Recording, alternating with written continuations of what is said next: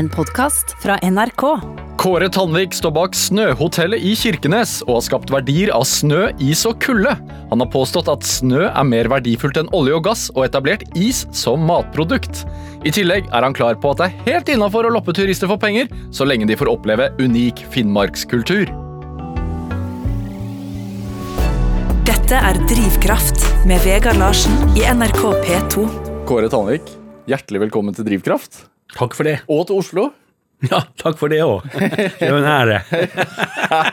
Er det med bismak, eller var det Ja, jeg synes det var artig. Jeg kjørte taxi forbi, og så sa jeg Oslo Met, og så det det Storbyuniversitet. Jeg tenkte, har de bare vært på Valdres, de her? Men altså um, Er det Trives du ikke i hovedstaden? Kanskje jeg skal si det sånn at eh, jeg besøker aldri mine gjester, kunder, i Oslo. Det gjør jeg aldri. Eller stort sett aldri. For når de kommer her, så sitter de med klo- stoppeklokka og kikker på neste møte. og når de er hos meg, så er de relaxed og har med seg på seg ullunderskjorter. og ja, De er mer mennesker. De kommer hit, så Jeg vet ikke, man må bli litt sånn catcha opp i. Jeg ser at folk springer, så spør jeg hvorfor springer de? Jo, for kanskje jeg når den bussen som, jeg, som går foran den jeg egentlig skal ta. Altså, så man, man har liksom peisa opp tempo eller sånn stressnivå, jeg vet ikke hva det er. Men det, og sønnen min bodde jo her, han sa han aldri følt seg så ensom som, som han hadde gjort i Oslo, til tross for han aldri sett så mye folk. Nei. Så det er noe her som, som Så jeg syns litt synd på dere. Ja, hvorfor tror du det er sånn at man øh, føler ensomheten i, all, ja, i folkemengden? Når det, når det blir så mye folk, så blir det ikke sånn i kirken. når du går i gatene i kirken, så ser jeg jo alle mennesker jeg møter inn i øynene. Og etter ti minutter i Oslo så er man jo svimmel, sant? for det er jo, det er så mange øyne å se på. Men, men det, det er ingen respons. Er, du kjenner jo ikke når du sier Hvis du, hvis du nikker til en fyr, så flytter han seg en meter unna, sant? for han lurer på hva som kommer neste. liksom, så... Nei, det er et eller annet der, men det er bare å venne seg til. Det er sånn det er. Ja. Ja. Er det altså eh, Snøhotell eh, Var det landets første? Nei. Eh, det begynte i Jukkasjärvi Ja. i Sverige, og så kom Alta eh, Iglo Hotel. Og så kom vi da, vi begynte, vi begynte i 2005. Ja. 2005-2006 begynte vi med Seattle. Hva var det som Altså, jeg tenker sånn Du skal bo på hotell, du vil ha en svær seng, man vil ha det komfortabelt, man vil kanskje ha en minibar. Øh, varmt ønsker jeg at det skal være. Hva er det som fikk deg til å tenke sånn ja, De, jeg jobbet med, jeg begynte i 92 med uh, det high end-markedet fra Amerika, ekspedisjonsturisme fra Amerika med veldig små, veldig små grupper. ja. Og hvor prisene var sånn uh, Ingen betalte under 50 60 70 000 kroner. Hvor var det? Ja, vi var i Finnmark. Ja. Og, um, og da så jeg plutselig verdien av det vi holdt på med. Eh, For oss så var liksom det å bo på Scandic eller sånt, det var jo, eller på Rika hotell, det var jo fantastisk. Det var nesten som kom til himmel. Ja. Det var jo, jeg husker jo hvordan det var å oppleve, men, men de folkene som kommer til oss, de har jo vært i 60 land før de kommer til oss. Eh, De har, de har så mye penger, og de har tid, og det betyr at de kjeder seg. Og så de folkene som reiser nordover, og som er jo kanskje ikke nye fra Asia, de er veldig sånn ny-ny, da. Men ellers så er det stort sett folk som har eh, veldig sånn reisekompetanse, og de har ligget i så mye senger, og de har slutta å åpne minibaren for lenge, lenge siden på hotellene og sånt. Det er helt andre ting. Så jeg bruker å si at, eh, til oss på Snehotell at eh, hvis du skal sove, så hold deg hjemme. For det er bestandig sånn med uansett hva seng du ligger, andre senger, så er det et eller annet. Og du skal ligge i sovepose, så har jo folk aldri ligget i sovepose før de kommer til oss. Og det er jo også sånn at, som jeg sier, det koster så mye at du trenger ikke å sove. Så det er jo Facebook moment, liksom. Og det, det, jo, liksom, det har vært å gjort det, å komme hjem og fortelle at der var det verdt. fordi at du kan bo på hvilket som helst i verden, og uansett hvis du kommer og snakker med noen som har, ja, de har vært på et enda finere hotell. Men hvis du sier du har bodd på Snehotell, så har du 15 minutter shining der star på, på den festen. altså Da vil alle spørre hva, hvordan var det for at det ingen har sammenligningsgrunnlag. ja, Hva er det folk ofte lurer på? Nei, det er jo... Vokalt, vokalt, Nei, ja, nei altså det, det, de fra India de spør jo hvor man slår på varmen. Så folk fra India, der, må, der booker vi rom også. Altså, vi har jo hytte, sånne gammer. Ja. Og da booker vi bestandig seng i varmseng og kaldseng. For når klokka er 11.30, tolv, så kryper de ut, og så får det holde dem å fryse i hjel. Og enten så havner de da i baren eller oppe i, i rommene inne i restauranten hos oss og skal sove på gulvet. Og, så Derfor så har vi bestandig en backup, så de betaler dobbel pris for å bo hos oss, de kommer fra, fra India. Helt spesielt at de er, de er Mens uh, asiatene ellers de er fantastisk tilpasningsdyktige og, og trives i soveposen. Så uh, vi har jo mange folk som sier at de aldri sover så godt. Og så Et typisk eksempel er at gubben kommer om morgenen forbanna klokka fem når han må på do for andre gang. Da orker han ikke å krype tilbake. Hvor kaldt er det inni der? minus fire. Tre. Ja. tre. Ja, så det er ikke så gærent? Nei, det er jo ikke kaldt i det hele tatt. Og, eh, og da eh, kommer, han, eh, kommer Fruen må jo kanskje vekke klokka åtte. Hun må aldri sove så godt. Og så sitter jo gubben og jamrer han ikke sover, sant, for han har vært på do så mye, og så sier kjerringa ja, men hvorfor snorka du så mye? Sånn at det er liksom sånn det, det, det, Nei, folk sover. Det, er- de fleste, fleste sover. Ja, men altså, jeg, jeg, har, jeg har ikke vært på ditt snøhotell, men jeg har vært på, et sånt, uh, vært på snøhotellet i Alta. Uh, og det er jo eh, Jeg har ikke vært på, på, på ditt, altså jeg vet jo ikke hvordan det ser ut der, men det oppleves jo ekstremt komfortabelt. Altså Det ser i hvert fall veldig komfortabelt ut. Ja, så det, Vi har jo sånn bruksanvisning, og det er jo, det er jo høydepunktet på kvelden. Ja. Det er når vi før middag demonstrerer How to survive the night. Og da er det eh, de ansatte hos oss som tar sovepose og kler av seg litt, og balaklava på hodet og ullsokker. Ja, man må, man må ha lue. ja, ja, man må ha lua, for det er jo der du taper, det er der du taper kull, også på vinteren. Ja. Så eh, man må jo ha hua på. Balaklava må vi ha på. Og så må du springe 50 meter inn i soveposen når du har lagt deg. Inn i posen må du, du må jobbe for å få opp varmen, og da holder det seg.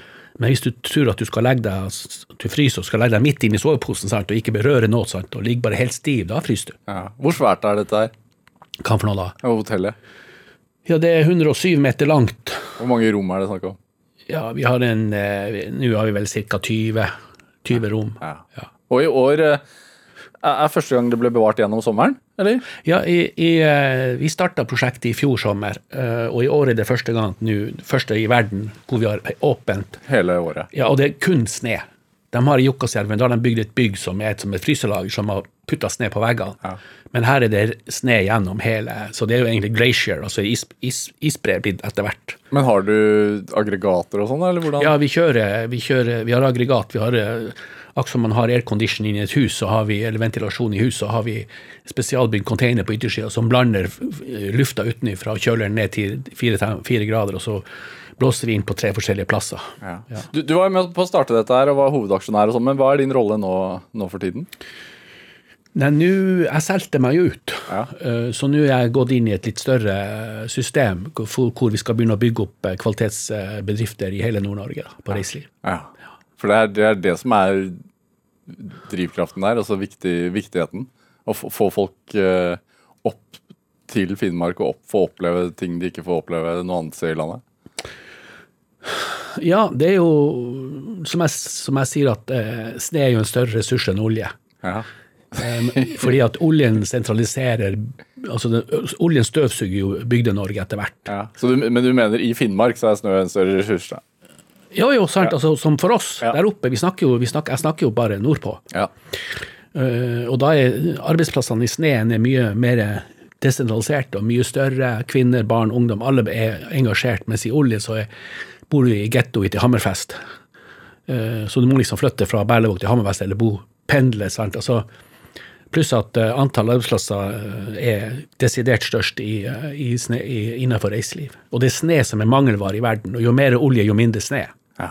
For det skal brennes. Ja. Ja. Og, du, og, du sier jo at altså, du begynte med ekspedisjonsturisme på 90-tallet, hvor amerikanere var villige til å betale hva, hva var det du sa, 70 60 70 Ja, vi lå? Altså, vi gro snøhuler. Jeg fikk eh, Alta folkehøgskole til å grave snøhuler oppover Jotka. Og da kjørte vi hund fra Karasjok. Alle kjørte hver sine hunder eh, over. Og da satt vi der, og den ene var styreformann i FMC i, i 120 000 ansatte. Han var, han var utropt til USAs verste styreleder det året. Og han var forhandla for å kjøpe opp eh, Kongsberg, Kongsberg våpenfabrikk med Gro Harlem Brundtland før, før han kom til oss. Ja.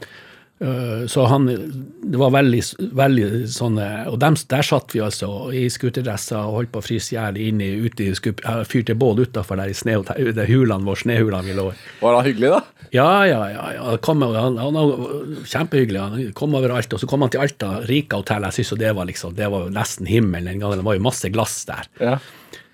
Så, og da hadde vi vært i lavvo og kjørt med rein og lugg og vært på utedo og pissa i sneen, for å si sånn. Og så, og så kommer han utfor oss, så stopper bussen, og så sier jeg OK, og nå skal dere få kvalitet. Ja.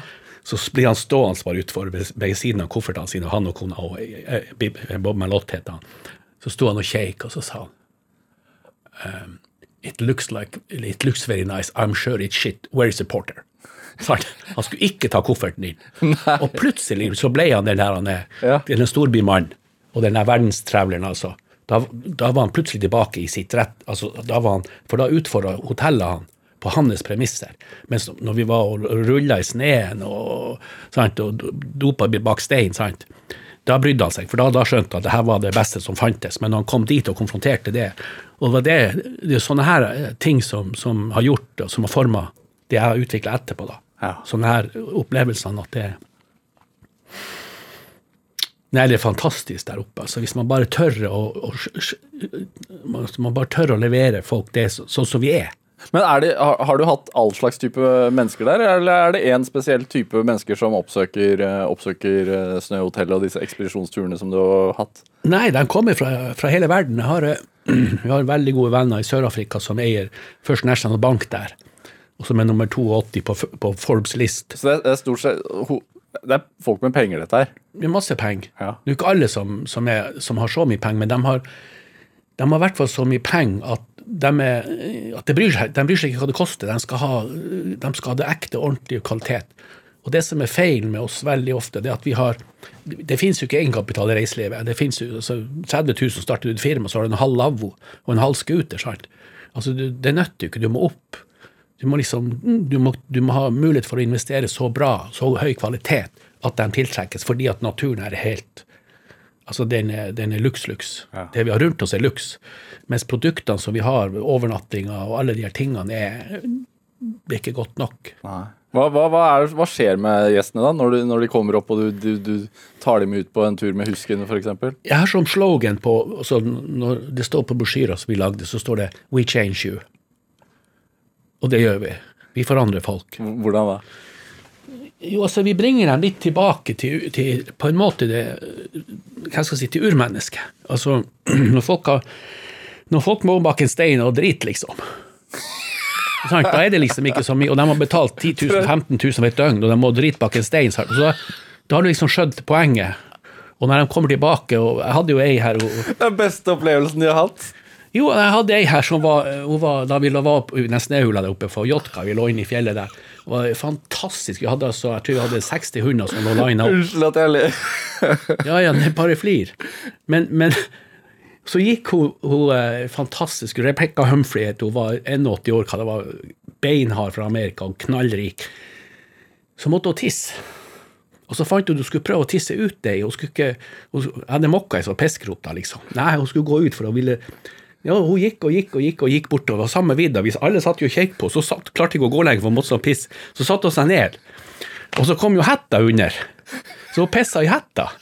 Og så og så snudde hun, så så vi hun snudde seg og kjekk ned, og vi alle sammen bøyde seg, snudde seg litt bort, liksom, formelt. da. Og så så vi hun sto og så på den sneen der, vet du, og så rista på hodet, og så tok hun hetta på hodet, da.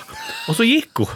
Og så kom hun opp, og så var turen slutt, og så kom hun til meg, så, sp- så det var gjærgull, i slutten av gjærgull, og så spurte hun Kåre, er det veldig dyrt å vaske de her eh, dressene, hun ville gjerne betale for at vi skulle vaske.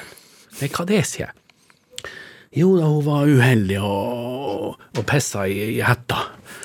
Ja, men så du ikke det, da? Nei, for hun, hun trodde at det var så rent i Arktis. Hun, regnet, og, hun hadde aldri sett pissen på sneen, så hun trodde det var sånn, at den var borte nå, og det pissa, så skulle hun se den. Så når hun tok på seg hetta, så plutselig så rant jo noe sånn Ja, Ja, Men hun var fornøyd med turen? fantastisk. Har kommet tilbake år etter år. det er helt ubetalelig. Eh, Du hører på Drivkraft på NRK P2, og i dag er eh, Kåre Tandvik her hos meg, eh, som er gründer og turistmann fra Kirkenes. Det blir riktig, er ikke det riktig å si? Ja da. Noe sånt. Jo.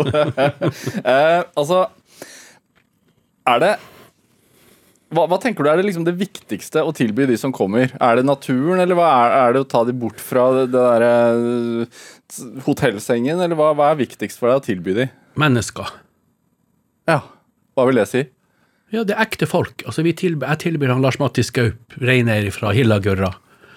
Vi tilbyr folket som Vi har masse ansatte hos oss som kommer fra Bugenes og kommer fra rundt omkring. og ikke har de noen utdannelse, og altså ikke har aldri gått på noe kurs, aldri vært på Oslo Met.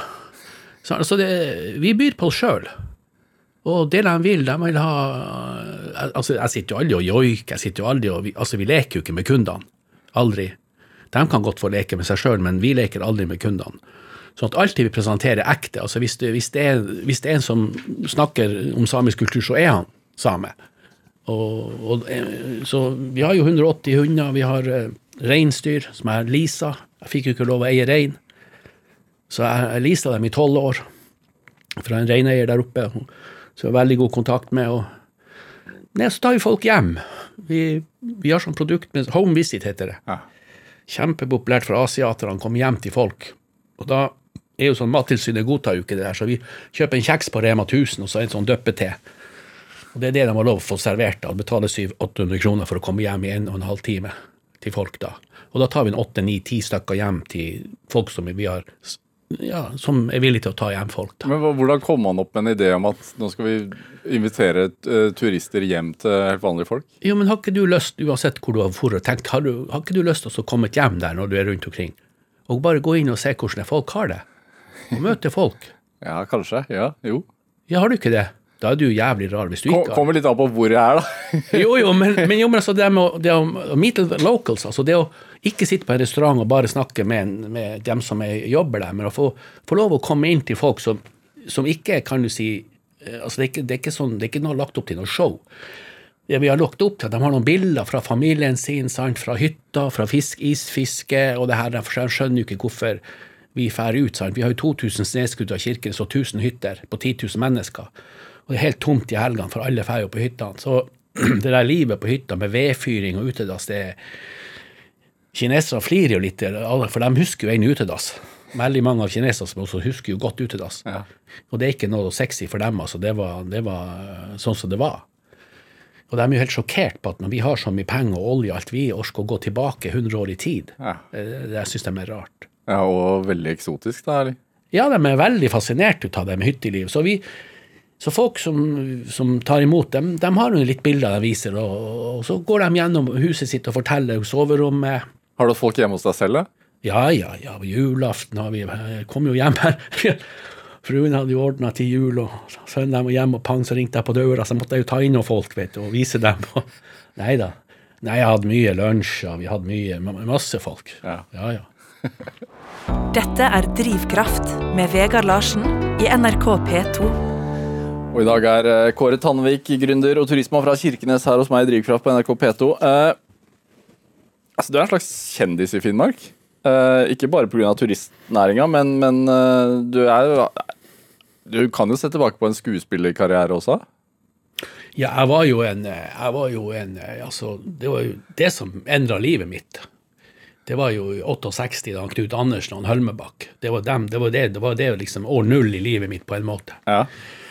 Før det så Jeg, bodde, jeg ble oppvokst på 50-tallet på Kirkenes, og Kirkenes var jo bomba.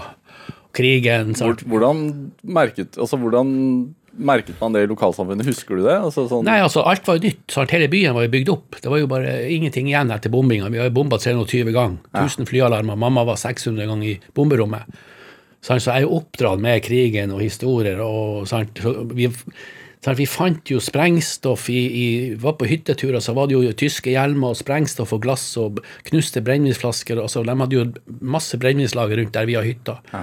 Sånn at tyskerne var jo en Altså, krigen var jo Jeg er jo oppvokst med den. så som er så merkelig, så på, I bøkene så sto det ikke noe om det her. Det var aldri noe om, om at vi hadde krig. Her nede var jo Folk trodde det var filminnspilling da da gutta marsjerte opp her på Karl Johan.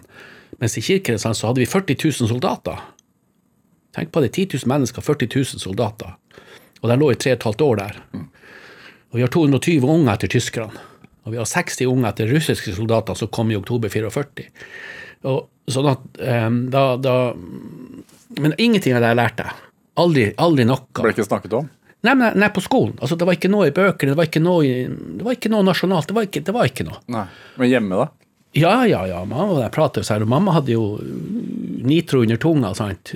pga. bombinga. Så hadde hun levd jo hele livet med nitro. Hver gang det var noe stress, så hadde hun nitro. og da Bush senior bomba første gang Bagdad i Kuwait-krigen direkte, da han- sto på toppen av hotellet i Hotell Continental i Bagdad, han, han der han lookalike Obama, som var reporteren der på CNN, da slo mamma av TV-en.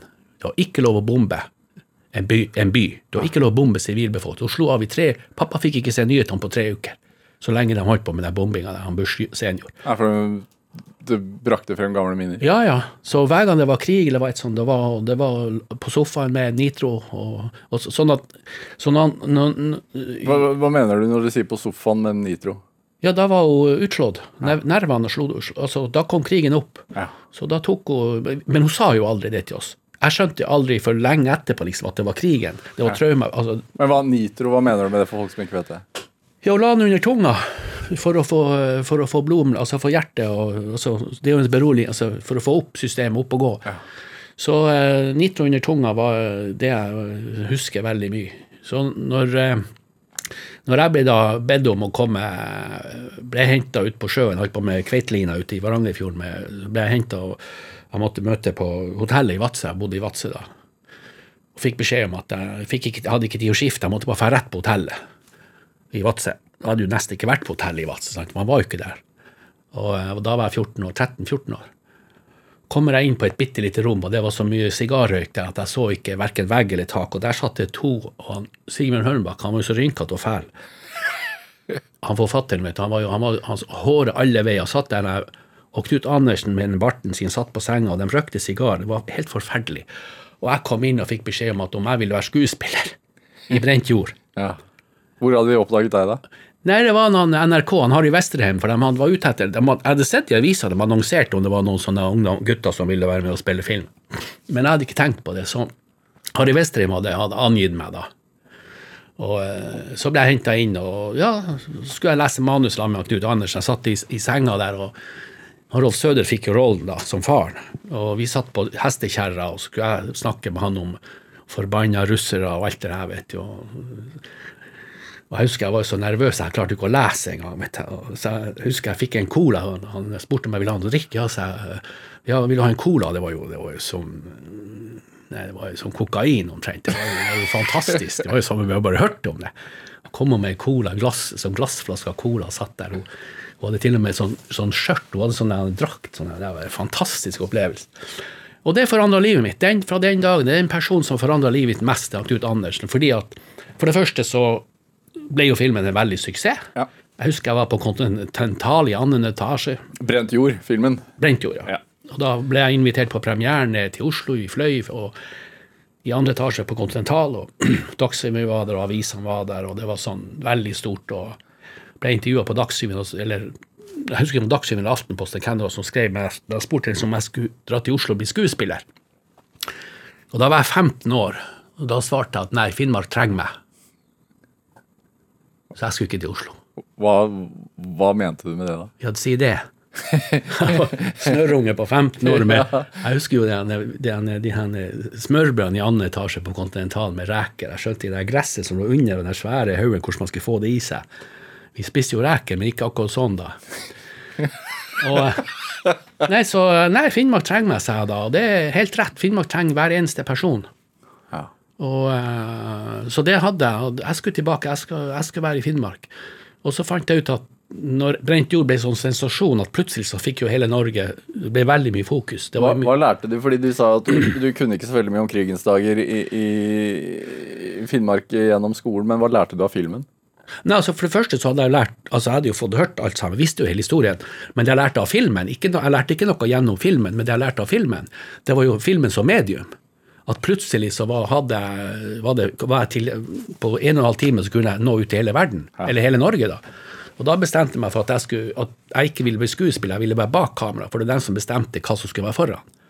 Og dermed så tok jeg jo dokumentarfilmutdannelse og filmutdannelse, og holdt på med, jeg har jo holdt på med film i 20 år, 25 år. Hva, hva, hva har du vilt fortelle med filmene dine? Nei, det var jo Det var nødrop fra nord. Alt mulig rart. da. Filma og filma. Jeg husker, jeg husker han, han, Ole Kristian Lagesen han var jo leder for dokumentaravdelinga i NRK. Så lagde vi en film om eh, Alta-utbygginga. Og Dan Bjartmar var jo da kringkastingssjef. Han hadde vært industriminister og bestemt hele jævla utbygginga. Sant? Så vi hadde jo kjempeproblemer. Jeg skulle ikke si at det var sensur, for det liker man jo bare å kalle om Russland som var sensur. men at det var noen som hadde vært og ikke ville at vi skulle vise den filmen, Alta-filmen. da. Så, eh, så lagde jeg en film, vi lagde en film om Jotunkraftutbygginga også, så mot, mot utbygginga av Jotunheimen. Da, og eh, da var Ole Kristian. Da kjørte de seks OB-biler fra NRK her opp til Lom samfunnshus for å overføre direktesendt Eller for å ta opp debatten. For de, de kunne ikke vise filmen, den var så subjektiv, så jeg måtte ha en sånn debatt først, da. Om alle, alle som hadde betalt og som skulle bygge ut, da. At det her var jo ikke noe. Nei, var, den, var den subjektiv, da? Klart den er subjektiv. Det eneste som er sant, det er subjektive. Nei, så vi stoppet det. Alt, det ble ikke noe gjort med den utbygging. Jeg sier ikke at filmen gjorde det, men i hvert fall så var det med på å lage det kaoset som var rundt i media og sånn. Så eh, ja. Men hvorfor har det vært viktig for deg det? Å, å dokumentere og prøve å stoppe utbygninger? Og Nei, altså I Alta-saken ble det jo Alta-saken var jo sånn at det var eh, Det var det, det, det samiske. Eh, og eh, Nei, jeg har bestandig vært imot eh, inngrep fordi at det er bestandig Det er det overforbruket. Altså, vi bruker og bruker. Alta- Alta-saken er noen år gammel, da. Hvis, hvis du skal oppsummere det med, med noen stikkord. Hva, hva hele kampsaken dreide seg om. I Alta-saken var det i hvert fall det samiske. Eh, altså De tenkte jo at de starta tegninga av at de skulle demme ned Masi. Altså Teknokratiet hadde skulle demme ned Masi. Hva, hva, hva, hva er det for de som ikke kjenner Masi? Ja, Da må de gå hjem og lese eller slå opp på paden hvor de holder på. Er ikke, det er jo, jo, men det jo, men det er herregud er, mat. er en del 22-åringer som hører på også. Vet du. Ja, ja, ja, ja. Sandvik. Ja, Det er da en bygd hvor det bor 300-400 samer. Og der skulle hele bygda opp til kirkespiret deres ned. Det hadde teknokratiet planlagt. NVE hadde planlagt det. Det var det første utkastet sant, som de hadde lagt. Og det er klart at, at det røkker jo, i, det røkker jo en del av, i en del nerver i, hos folk. Så eh, det var det Da brukte vi et par år. Jeg gikk kanskje et og et halvt år av livet mitt på Alta-saken. Er det, altså du- Som 15-åring så tenkte du at Finnmark trenger meg. altså er det Føler du det ennå? Er det noe som du har liksom hatt som en kampsak inni deg hele livet? Ja. Eh, vi har jo Når du bor der oppe hos oss, så de som, de som har vett, de flytter jo. Altså Ungdommen som tar seg utdannelse, som, som begynner å sånn, de kommer jo nesten ikke tilbake. Eh, sånn at det er en, det er en, det, det er jo en drenering av blod. Eh, kommunene betaler eh, oppveksten, barnehagekostnader, videreutdanning, alt sammen. Oppe. Og så når ungene endelig har fått komme seg ut av, eh, ut av videregående skole, så hopper de hit ned, eller til en av de store byene. Og så går de på skole og utdanner seg vekk ifra, ifra områdene som vi bor i. Sånn at demografisk sett så blir det jo dårligere og dårligere med hensyn til aldere og mer og mer eh, Så eh, ja, du må være ganske du må være ganske bevisst, du må være ganske sånn på. Som, så hvis du snakker om hva det er som Hvorfor jeg orker det her, så er det jo For det første så er det en sykdom. Sant? No cure. Altså det jo, men sant, Hvis jeg legger meg om kveldene og har funnet sted på noe, eller gjort det, så begynner jeg å tenke hvordan kan vi få det der til? Hvordan kan vi gjøre det? Kan vi, sant? Og det, det er en sykdom som veldig mange mennesker har. Ja. Og eh, dessverre så er det veldig mange som starter. Og da starter de gjerne med at de har 30 000 i aksjekapital, og ideen er jæklig god, og de vil gjøre det alene, sant? og det går ikke, fordi at verden er så kompleks. Det er så, det, du må ha litt større struktur etter hvert rundt deg. for å og det ser du jo på de nye investeringsfondene som er. De går til, til startup-bedrifter veldig sånn inn for å hjelpe. Men nå er det jo veldig mye mot teknologidrevet. da. Det er jo dessverre ikke sånn på f.eks. innenfor reiseliv. Startup-bedrifter i reiselivet er ikke de er stort sett oppfattet som vanskelig å få til. Fordi at det er så person, veldig personavhengig. På teknologi kan du kjøpe et interessant hode, men det, det får du ikke til på en måte på reiselivet. Der du, der du er rundt omkring. Det må være den personen som, som bygger det opp, og som starter det. Men eh, herregud, for noen muligheter vi har. Også. Men hvor kommer denne kjærligheten din til hjemstedet fra, tror du? Altså sånn Jo, det kommer av, det kommer av at eh, Jeg tror det er sånn jeg tror, det, jeg tror det henger sammen med at eh, vi er så eh, underkommunisert. Altså, vi, eh, vi får hele tida høre statistikker på at vi røyker mest, og vi puler mest, og vi dauer først, og vi har kreft nok, og vi er latest, og mest på Nav, og mest på ditt, og gamlest. Altså hele det pakka. negativ statistikk, med andre. Jo, sant. Og så, så er det 84% av torsken som tas utenfor kysten hos oss, ender i Ålesund, Austevoll eller Aker Brygge. sant? Altså, det er et eller annet med at, eh, det er med at eh, ressursene som vi har, klarer ikke vi å få det, Strukturen er ikke sånn at verdiskapinga, det interessante, blir igjen hos oss. Vi får sloget, mens fileten havner her. Og Det er liksom veldig mange, veldig mange sånne ting. Det er f.eks. nå med oppdrettsanlegget hvor man ikke klarte å få eiendomsskatt. Altså Vi får ikke penger igjen for de fjordene der oppdretterne blir ikke penger igjen i lokalsamfunnet. Så det, det er veldig mange sånne ting som går igjen. Men er det sinne der, eller er det bare en Ja, jeg er jo litt forbanna. Det det er et godt utgangspunkt. jo, men det er sant. altså Aggresjon er jo oppfattes som veldig negativt, men aggresjon er, aggresjon er jo et sånn, også en sånn positiv ressurs, hvis man bare kanaliserer rett. Og du kan si at eh, Da jeg starta i 2002 i Kirkenes, så hadde jeg jo aldri kunnet starte hvis ikke Sydvaranger Gruver var konkurs og slutta. Eh, Jeg var hos kommunen og sa at jeg hadde lyst til å starte med reiseliv, sant? og det er jo bare tullinger som går og sier det. Det er jo ikke noen seriøse. Sant? De seriøse gjør jo andre ting. Graver grøfter og spikre og hamre og sager. Sant? Det er jo seriøse på, i, i, oppe i distriktene. Så eh, 2002 hadde ikke vært for Sydvaranger var lagt ned, så hadde ikke jeg klart å få starta. Fikk jeg, eh, sa han kommunegubben til meg, han på kommunen, han Håvard, sa til meg her er penna hvor du vil være. Så tok jeg en sånn sirkel, den var 42 000 kvadratmeter. Bare start, sier han. Jeg hadde ikke et papir. Og det var mulig da, fordi da var det, da var det sånn behov. Og så kom Sydvaranger tilbake i 2006, og da jeg hadde ikke kunnet starte. Eller jeg tror ikke jeg hadde fått så gode rammebetingelser hvis Sydvaranger var starta. Men nå er Sydvaranger slutta igjen, så nå er det liksom Nå er det en helt annen fokus på hva skal vi gjøre nå. Og da får du engasjementet i folk. Får du nordmenn opp dit? Ja, den som er betalt. Altså, De som er betalt? jo, jo, pappa, firmaet betaler. Ja. Da kommer de. Eller korona, da får vi noen. Altså, hvis det er pest, så får vi noen nordmenn opp. Men, men, eller når det er firmaer som betaler, men få, det er veldig få nordmenn ellers. Hvorfor tror du det er sånn? Det må jeg spørre deg om. Nei, det er, Jo, altså- du, er du som er ekspertisen her. Nei, men, jo, men det er jo sånn at jeg lurer jo på hvorfor det. Altså det, som, det som skjer, at jeg har jo hatt firma fra Aker Brygge i 20 år. Og hovedproblemet er å få beslutninger til at de skal komme. De havner bestandig på en eller annen plass med ei gammel kirke i Sø- Sør-Europa. Og sitter og kikker på ei kirke som de har sett på i alle byer lurer på hvor de er. De husker ikke hvilken by de var engang. Men så kommer de til oss. Omsider klarer vi å få gjennomslag at de skal komme opp og fryse, eller mygg, eller hva de sier. Og da sier de at det er den turen opp til Kirkenes, det er den turen de prater om fortsatt. Det er den turen de husker. Fordi at det er, For det første så er det så mye aha. Fordi at det er en viss analfabetisme i forhold til det historiske, om masse myter og masse sånn. Og så kommer til oss og får de historie eh, fra krigen med Russland, sånn, geopolitikk med sant, Vi ligger like langt øst som, som, som St. Petersburg. Ja. Det, er- det får meg til å tenke på du er, Jeg sa i introen her at Kåre Tandvik er Russlands elsker. Du, var, du, var, du, du nølte litt. Du sa elsker stemmer vel ikke akkurat, men uh...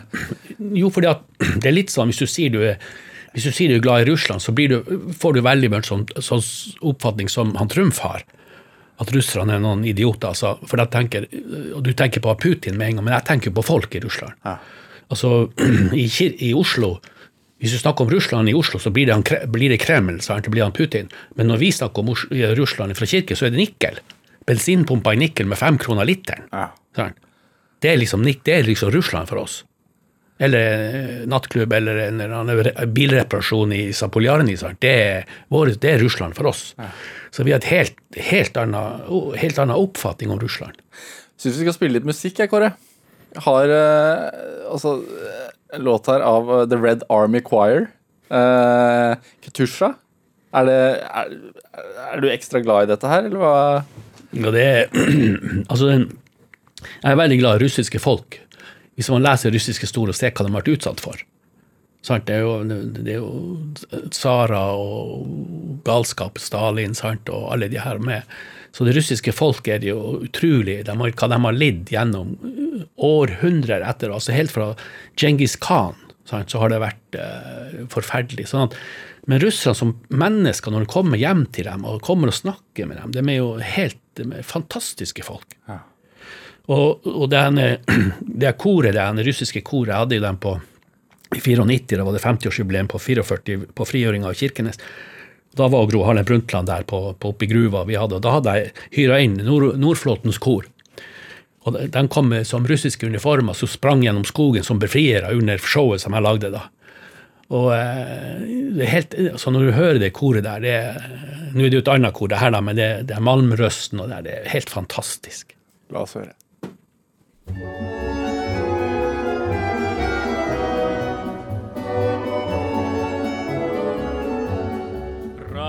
Расцветали яблони и груши, поплыли туманы над рекой.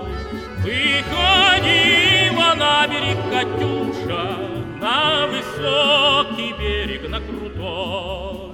Выходила,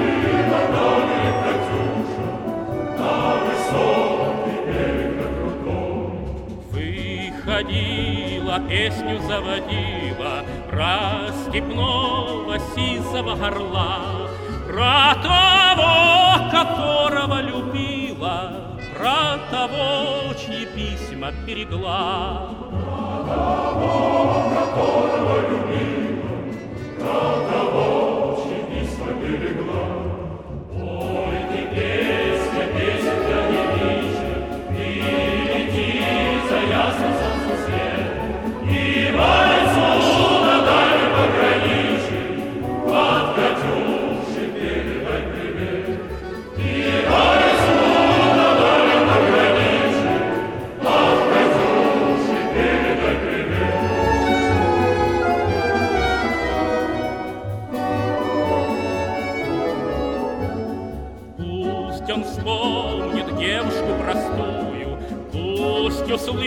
услышит, как она поет, Пусть он землю бережет родную, А любовь Катюша сбережет. Ja, du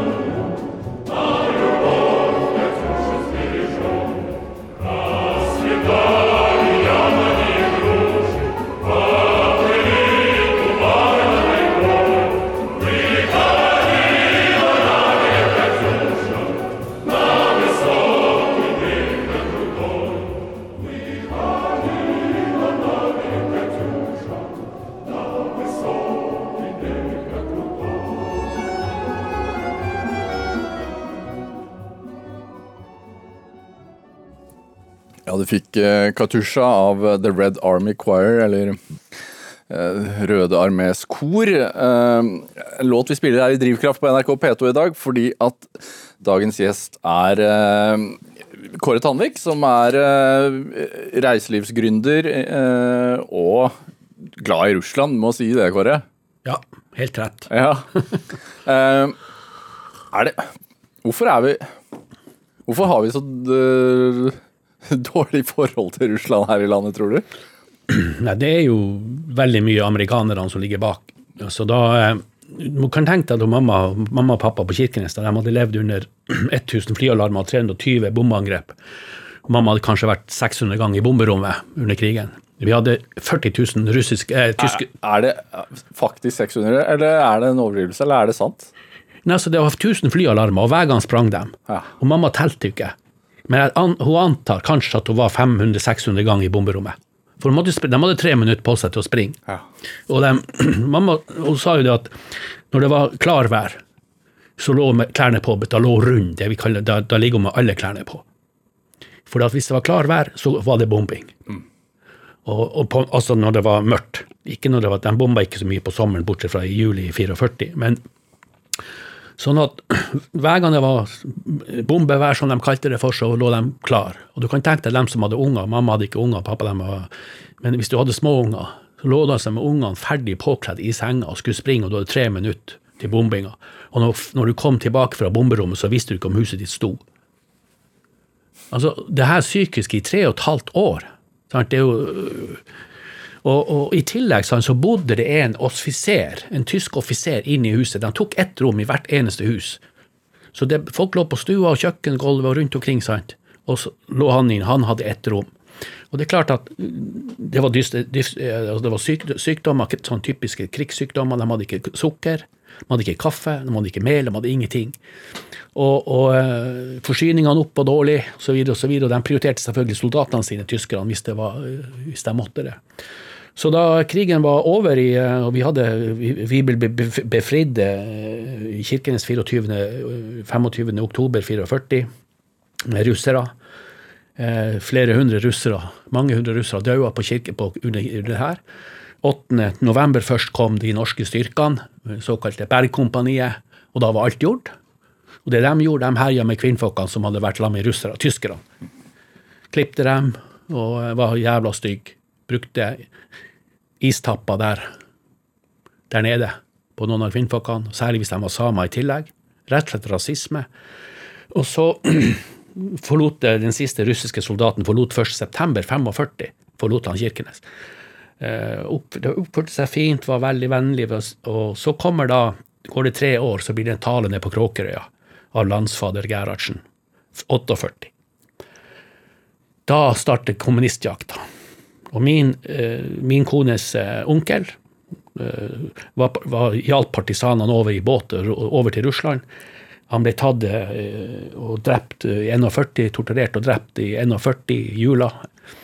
Skutt i, i, fordi at han hjalp partisanene. Svigerfar også, han var kommunist. Så snudde De var jo helter, så de hjalp jo oss, var jo helter. Og så kommer da 48 med Kråkerøytalen og starta med kommunistene ble utpekt av norske kongelige Arbeiderpartiet som hovedfienden. Og vi hadde jo 500 kommunister på Kirkenes ca. Noe sånt, kanskje. Og eh, da starta helvete. Da starta den, den, den, kalde krigen. Han Oa, svigerfar, han sa jo at den varme krigen, da visste vi hvem var fienden, men på den kalde krigen i 30 år så visste vi ikke det. Det var naboen eller det var noen, hvem som helst som, som var fienden. Og svigerfar var uten jobb i seks år. På grunn av dette? På grunn av han var kommunist. Ja. Yrkesforbud. Han hadde i 17 år vært den som skyssa Vi hadde jo Widerøe sin Twin-8 på fly på Kirkenes havn. Det var det kommunikasjonen vi hadde helt frem til 62. Og han var den som skyssa i 17 år frem og tilbake folk til og fra Widerøe-flyet. Og da, i 62, da fly, flyplassen ble åpna igjen, det var jo tyskere som bygde flyplassen i, under krigen da, for å bombe Murmansk, da kom direktøren i Luftfartsverket og sa at nå altså svigerfar, nå skal du få ordentlige arbeidsforhold, nå skal du slippe å ligge i båt på vinteren, og nå skal du få komme opp på, på, på Høybuktmoen flyplass og jobbe. Hvordan har dette altså det, det, Dette var jo før du ble født, holdt jeg på å si. Hvordan har det påvirket deg? Nei, det er jo i, i, i ettertid. Jeg husker altså, Han fikk jo ikke jobben. Så han var seks år uten jobb. og, og jeg var jo oppvokst i, i borger, borgerskapet del i kirken. Mamma hadde husliten butikk, og pappa jobba på Posten. Og, så jeg var jo liksom i mellomlaget. Jeg hadde ikke, vi, var, vi hadde jo sånn Vi visste jo hvem som var kommunist, eller sånn kommunistunger. Og sånn. Det var så, så, altså, så utrert, egentlig. Ja. Men jeg, vi var unge, jeg tenkte ikke noe på det. Ikke før faktisk ble Brent jord igjen filmen om, om filmen som åpna de her øyene for meg. da. Så eh, fortsatt i dag så har vi jo verdens mest avanserte spionskip i Kirkenes Mariatta. I Vardø, nabohuset, nabobyen vår, har vi største, høyeste bygninga i Finnmark, nemlig 15 etasjer med en radar som er bygd kanskje koster 8 milliarder av, av, med penger fra Amerika. For å, for å, for å følge med uh, Russland. Sant? Vi har uh, overvåkningsfjell på fjellet utenfor Kirkens, vi har vel kanskje 100 mann som jobber der. Jeg vet ikke, Det er jo hemmelig, alt det her. Så man altså, lever med nærværet på en helt annen måte.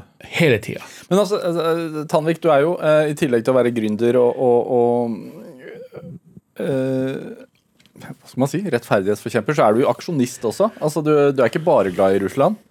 Du startet jo en sånn eh, Hva, hva, heter det? Stopp Dutch-skyene. Ja, stopp dødskyene, ja. Ja. Eh, 4000 medlemmer hadde dere. ja. Hva, er det, hva var dette her for noe? Nei, det var i, i, eh, i eh, eh, da, da Russland Gikk det da, utover eh, Nei, da Sovjet holdt på, da Sovjet gikk, gikk i oppløsning Ja. i 89-90, så begynte man plutselig å få vite hva galskap som var den røyken. For nikkelverket hadde jeg sett, jo, jeg er jo oppvokst med nikkelverket. Og det, Vi hadde ikke en oppfatning om forurensning, for Kirkens hadde jo også gruvedrift. og alt sånt. Det var ikke snakk om forurensning, det var snakk om utvikling. Forurensning kom, det var, det var utvikling. Så vi så ikke på den røyken. Plutselig så begynte man å, monitorere den røyken og fant ut at det var jo svoveldioksid ti ganger så mye som hele, som hele Norge slipper ut fra de tre pipene som vi så. Vi var så stolte, vi visste jo besøkende de kom, hvis der er Russland, se på pipene. Og etter hvert så fikk jo pipa en annen lyd. Hva var nikkelverket? Bare for å Nikkel det sørger for at Tesla får batteriene sine i orden. Da må du ha nikkel. Og han som eier nikkel, han, han, han Potanin som eier nikkelverket, eh, en privat oligark, sant? han er jo en av de rikeste i verden. Eh, han eh, Ja, det begynte å bli så i par og 90 så starta, så ble jeg lei av det her, og så gikk vi til aksjon mot ledelsen av nikkelverket. Vi hadde en sånn seanse med Sydvaranger gruver der, og da gikk vi inn med pressefolk og en del av oss, og så helte vi skitvann i konjakkglassene deres. Og sa nå får dere driten tilbake. Og hvis dere har lov å slenge dritt til oss med over lufta, så har vi lov å slenge konjakk. Og det her ble jo konjakkaksjon. Det her var starten. Og da var vi jo en, en, god, en god gjeng med, fra Kirkenes da, i forskjellige yrker og politikk. da, sånn. Og det var starten.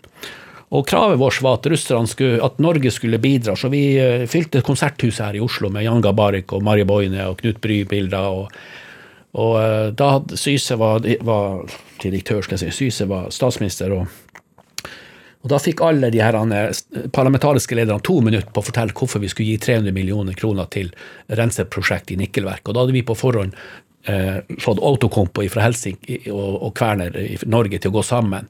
Vi hadde et møte med dem i Oslo og sa nå må dere, vi skal skaffe finansiering, må dere klare finne en løse, løsning for å rense dritten. Og det skulle koste 1,5 milliarder eller noe sånt. Og Da fikk vi 300 millioner fra norske regjering, og da svenskene og finnene som skulle matche det. Men så skjedde det da at russerne ga fanken, for det var billigere for dem å forurense enn å rense. Og, og det var så mye kaos i Russland, så det, saken, saken Men satt, det var satt av penger norske, norske, fra Norge til å betale. Men, men hvor, hvor tror du dette kommer fra? Den der drivkraften din? holdt jeg på å si. Dette programmet heter jo Drivkraft. og det, Du er jo Starte opp et snøhotell og øh, aksjonering og hvor, hvor kommer det fra? Er det hjemmefra du har dette her? Nei. Nei, Nei så ler du. Herregud. Nei, nei, nei. Han pappa, pappa hver gang jeg Hvorfor ler du? er, Jo, for da han pappa, jeg jeg husker en, en, er noen ord fra han pappa. Jeg husker, pappa, Kåre, må du ta det med ro? Hver gang. Pappa, Kåre, hva du har funnet på nå? sa han. Liksom hver gang han bodde i Levanger, da. Sånn, Jeg ringte hjem, liksom. var sånn, uff, jeg ringte ikke så mye hjem. Hvorfor ringer du ikke så mye? Nei, for at jeg, jeg orker ikke å begynne å forklare alt, liksom. For du blir så, du blir, dere blir jo så deprimert. ja. Men det verste var da jeg begynte i Snehotel i 2002. Ja, hvorfor det? Jo, For da da starta vi Da starta jeg ut fra en forbannelse. Da hadde jeg en aggresjon som drivkraft, helt konkret sak, da. Men eh, det var fordi at det var et så langt løp, og vi hadde ikke penger. Ja. Nå hadde jeg jo heldigvis ei kone som er lærer, og der dundra jo inn her 20. hver måned. Sånn som så 21. så hadde jeg penger til å betale et eller annet med, sant. Mens ellers så Og det er jo småsamfunnets fantastiske småsamfunnet, det at du blir ikke slått konkurs i et lite samfunn. De som slår deg konkurs, det er staten gjennom moms eller sånne avgifter. Sant? Da er det pang. Mens du kan skylde resten i samfunnet, lokalsamfunnet kan du godt skylde, og de kan være bank for deg ganske lenge og ha tålmodighet med deg. Så det er fantastiske lokalsamfunn. Men du, men du svarte aldri på spørsmålet mitt hvor du trodde du tror denne drivkraften kommer fra. Nei, jeg prøver jo å komme meg vekk fra spørsmålet. Nei, det er denne den sykdommen som jeg kaller det for. Altså, det, det, det, er, jeg, det er enklest å si at det er en sykdom. Og det er, det er ikke noen helbredelse. annet enn Nå har jeg vært permittert, eller ble jo pensjonist i hermetegn da, i, i, i november i fjor. Og jeg har jo da Så kom jo koronaen. Og det begynte jo å klø. Jeg begynte jo Så jeg begynte jo plutselig å skulle trene litt mer. Jeg skulle begynne å gjøre ting og tang og ut og frem og tilbake. Og alt havna jo til slutt så? Altså, alt, var jo bare at jeg måtte komme i gang med noe. Så det, jeg har jo noen, ganske, noen andre prosjekter også, da, som er for tidlig, og som ikke jeg vil snakke om, som har med Russland å gjøre, faktisk. Men er det Du klarer ikke å sette ord på det. Det bare, det bare er, er en kraft inni deg som du, du må bare ha noen prosjekter på gang. Jo, men altså, hvis du, hvis du tenker sånn at Ja. når du bor der oppe vi bor, for noen fantastiske muligheter du har. Men når merket du det første gang? Og så var du sånn som barn også? Ja, jeg tror vi Jeg husker vi hadde jo blant annet sånn sirkus oppe i, andre etasje på garasjen der hos naboen. Så hadde vi sirkus og tok penger, og så eh, Så husker jeg jeg var med i en sangkonkurranse en gang. Eh, det var så sangkonkurranse, så var det søstera mi, som gikk jeg opp, og så gikk jeg opp, og så eh, Eller ikke sangkonkurranse, så sa jeg eh, så gikk jeg opp på scenen, jeg var tre år, tror så sa jeg 'Nisse, nisse, gode mann, bodde i en liten tann. Snipp og snapp, gikk opp en trapp, for de heter Snipp og snapp. Og så fikk jeg premie. så liksom Nei, det var bare fra Det har vært hele tida med. Ja. Jeg er ikke stolt av det, egentlig. Fordi at det er ukontrollerbart. Altså, det, det, jeg har ikke kontroll. Sånn at Jeg har jo noen folk som jeg bruker å spørre.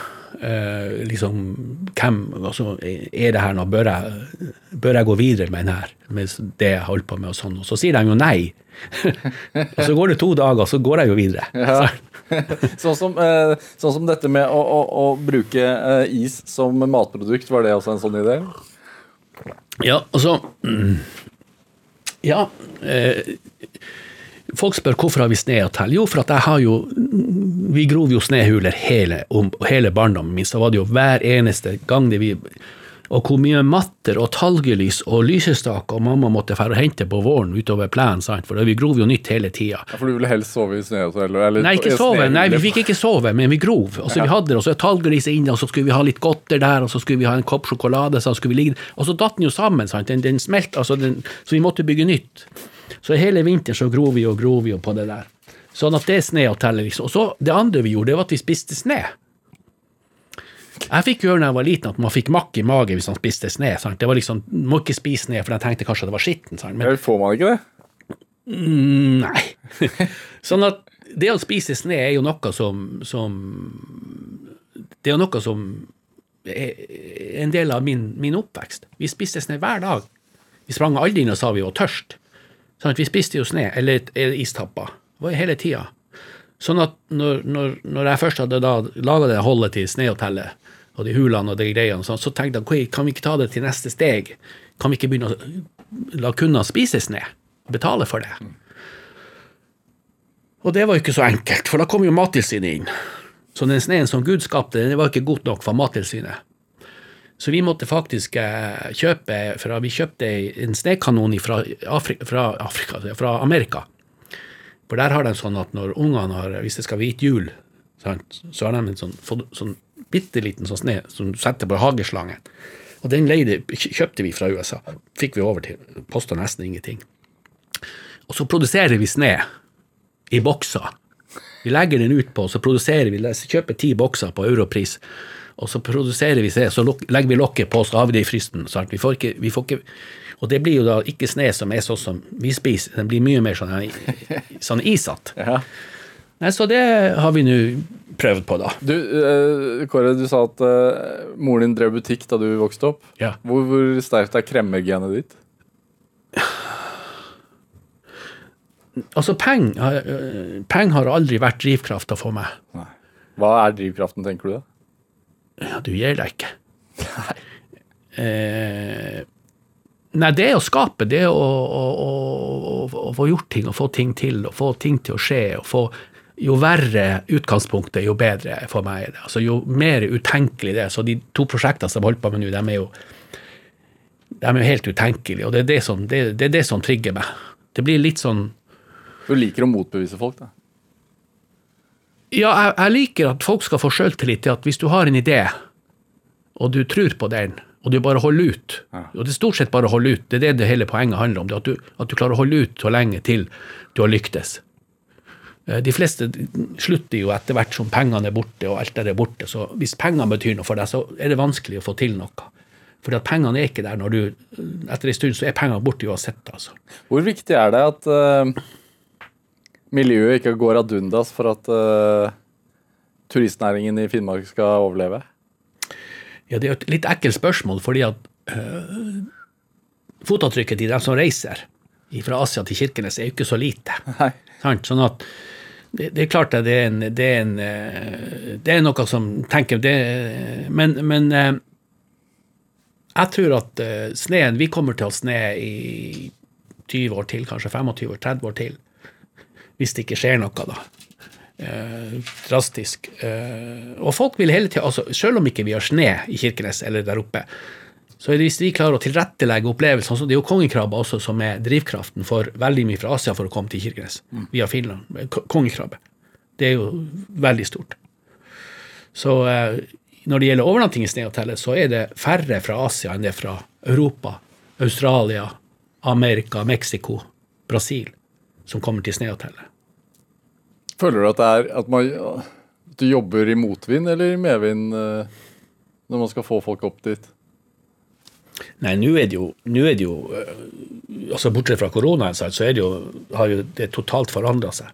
Det er jo, det er jo veldig veldig positivt. Veldig, veldig medvind. Veldig Altså